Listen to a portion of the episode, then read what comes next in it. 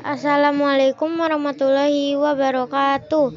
Nama saya Kalila Sintia. Saya akan menjelaskan tentang PJJ dan tatap muka. Menurut saya, belajar tatap muka lebih seru dan lebih masuk ke otak daripada PJJ. Ketika tatap muka, murid banyak bertemu dengan teman dan bertemu guru sehingga tidak membosankan. Tetapi karena PJJ murid lebih banyak mengenal aplikasi pembelajaran baru dan metode belajar juga variatif ketika belajar di rumah. Tetapi kekurangannya banyak murid yang kehabisan kuota internet sebelum waktunya. Semoga pandemi ini cepat berlalu dan kita bisa ketemu teman-teman dan guru. Wassalamualaikum warahmatullahi wabarakatuh.